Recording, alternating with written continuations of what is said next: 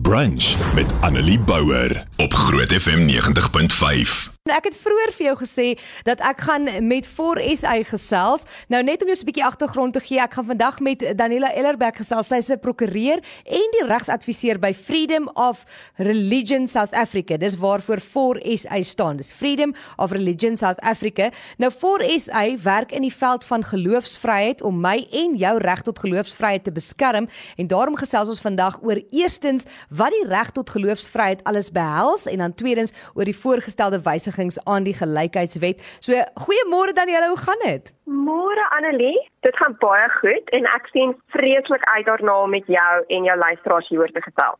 Dit is vir my 'n baie belangrike onderwerp en iets wat ons dalk nie noodwendig genoeg van weet nie en daarom dink ek is belangrik om 'n kenner te kry. So ek wil dalk net eers by jou weet, wil jy nie vinnig net vir ons verduidelik as ons dan nou praat van die reg tot geloofsvryheid, wat beteken dit? Jong Annelie, dit is 'n uh, mensereg wat in ons grondwet se handves menseregte beskerm word. En dit beskerm ook die reg op vryheid van gewete, denke, geloof en opinie. So dit is 'n baie allesomvattende reg hierdie. En basies dit is u reg om te glo of nie te glo nie en om op te tree of nie op te tree volgens u oortuigings um of nie oortuigings nie. Met ander woorde, dis die reg wat ons grondwet beskerm om nie net in jou hart te glo soos jy wil glo nie, maar dan ook daardie geloof vrylik uit te leef en openbaar deur dit te verklaar en te beoefen sonder om bang te wees vir vervolging of deur die staat of enigiemand anders. En as gevolg hiervan het almal in Suid-Afrika die reg om hulle godsdienst vrylik en openbaar te beoefen, het sy deur aanbidding of deur ander daarvan te vertel en te sê wat hulle glo. En dit is belangrik dat ons hierdie reg beskerm omdat As daar 'n inperking op die reg vir een persoon gebeur, ongeag die persoon se geloof, sal dit elkeen se vryheid om te glo soos hulle wil en om daardie oortuiging vrylik openbaar te kan uitlewe beïnvloed.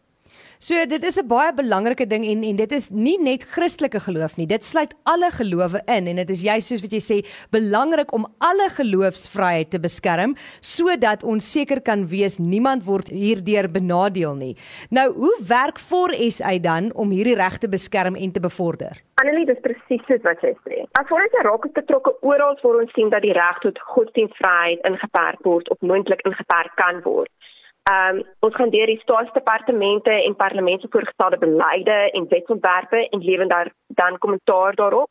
Ons ontmoet met ministers van departemente, lede van die parlement, asook die parlement se verskeie komitees om te verduidelik hoe die wetsontwerp geloofsvryheid negatief aanraak. Ons raak betrokke in hofsaake waar mense se geloofsvryheid ingeperk word en ons raak betrokke in kwessies wat geloofsvryheid aanraak wanneer dit by die werk van die um, hoofstuk 9 instansie, soos die ehm um, KGK kommissie, die menseregte kommissie ensovoorts kom. Ek weet ons het nou gesê vroeër ons gaan 'n bietjie praat oor die voorgestelde wysigings op die gelykheidswet. Wat is hierdie want ons die die gewone mense onder ons weet nie noodwendig hiervan nie. Nee, definitief en dis hoekom ons so dankbaar is dat julle vir ons gevra het om hieroor te praat. Dit is mense kan inlig. Maar dit is belangrik. Dit is belangrik. So wat is hierdie voorgestelde wysigings dan? is 'n verandering van die huidige wet op die bevordering van gelykheid en die voorkoming van onbillike diskriminasie, algemeen bekend as die gelykheidswet. Nou, die wetsontwerp sal elke luisteraar direk aanraak en stel onder andere voor om die definisie van beide diskriminasie en gelykheid aansienlik te verander en te verbreek.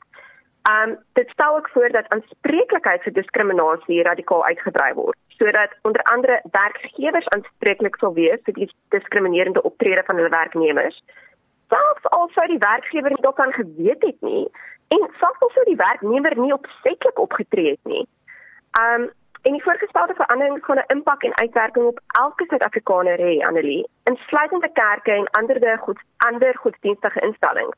Um nuwe skemde organisasies en individuele gelowiges.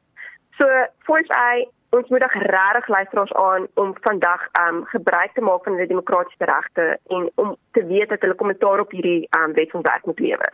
Met ander woorde, dit gaan jou beïnvloed in die sin dat jy nog gesê hulle wil dit so verbreed dat jy aanspreeklik, sê nou maar jy is 'n werkgewer, kan jy aanspreeklik gehou word vir iets wat een van jou werknemers gedoen het al het hulle dit nie opsetlik gedoen nie en selfs al het jy nie daarvan geweet nie. Nee, 100% Annie. So kom ons sê jy vra my nou 'n vraag en ek voel dat jy my menswaardigheid um ingeperk het op grond daarvan dat ek 'n vrou is, so op grond van geslagtigheid en ek gaan lê dan 'n diskriminasie um uh jy weet uh klag klag teen jou by die menseregte kommissie, dan kan Groot FM aanspreek gehou word vir die vraag wat jy gevra het. Al het jy nie of wat die bedoeling met die vraag nie gewees om my menswaardigheid, jy weet, aan te raak omdat ek 'n vrou is nie. Of was dit nie eers 'n gedagte in jou kop gewees nie? Oh wow. So dis nogal belangrik om hierdie goeters te weet en te verstaan en betrokke te raak by dit want jy het en dit is een van die dinge wat lekker is in Suid-Afrika is die regte wat ons het. Jy het 'n reg om hier op kommentaar te lewer en te sê waarmee jy saamstem en nie saamstem nie. Nee, 100% en dit is so belangrik dat ons gebruik maak van hierdie demokratiese regte. So hoe kan luisteraars dan nou betrokke raak? As jy sê jy het 'n reg om kommentaar te gaan lewer, is daar 'n voorbeeld vir kommentaar wat hulle kan gebruik? Voordat hy tans besig om so 'n voorbeeld ehm um, voorlegging vir die wetsontwerp ehm um, op te stel en ons sal dit met die publiek deel sodra dit klaar is. En dan kan mense dit gebruik en verander en deel en instuur asseblief. Dis ja. hulle goed dink sodat dit jy weet so dit hulle bemagtig is om deel te neem aan hierdie kritiese demokratiese proses. Dis ongelooflik belangrik en ek dink ons gaan weekliks vir die volgende maand ten minste hieroor gesels en 'n bietjie meer mense inlig oor die werk wat voor SA doen, sake waarmee hulle tans besig is en natuurlik die wysiging op die wetsontwerp wat ons mens moet by betrokke raak. Waarheen kan luisteraars gaan om meer wete te kom oor kwessies wat hulle godsdienstvryheid beïnvloed en natuurlik die werk wat julle by voor SA doen? Vir diegene wat belangstel om meer oor hierdie kwessies te weet, kan ons hulle verwys na hulle na ons webwerf by www.forsa.org.za waar hulle dan ook vir voice eise nuusbrief kan opteken. En dit is belangrik want ons gaan die voorbeeldvoorlegging aan die mense um uitstuur wat opgeteken het vir ons nuusbrief. Um en dan kan hulle ook by ons as 'n organisasie aansluit op 'n skenking maak en dan natuurlik kan ons ook op sosiale media volg op Facebook by Freedom of Religion SA.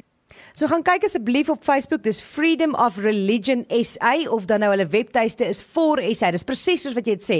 F O R SA. So dis forsa.org.za. Daniela, verskriklik baie dankie vir jou tyd vandag en ons gaan definitief soos ek sê in die maand wat kom maandag so 'n bietjie hier op fokus en net hoor ehm um, spesifiek hoe hierdie geloofsvryheid dinge ons raak en hoe ons uh, daar by betrokke kan raak sowel as dit wat ons moet weet. Dankie Annelie, ek sien uit. Annelie Bouwer, weekoggend tussen 9 en 12 op Groot FM 90.5.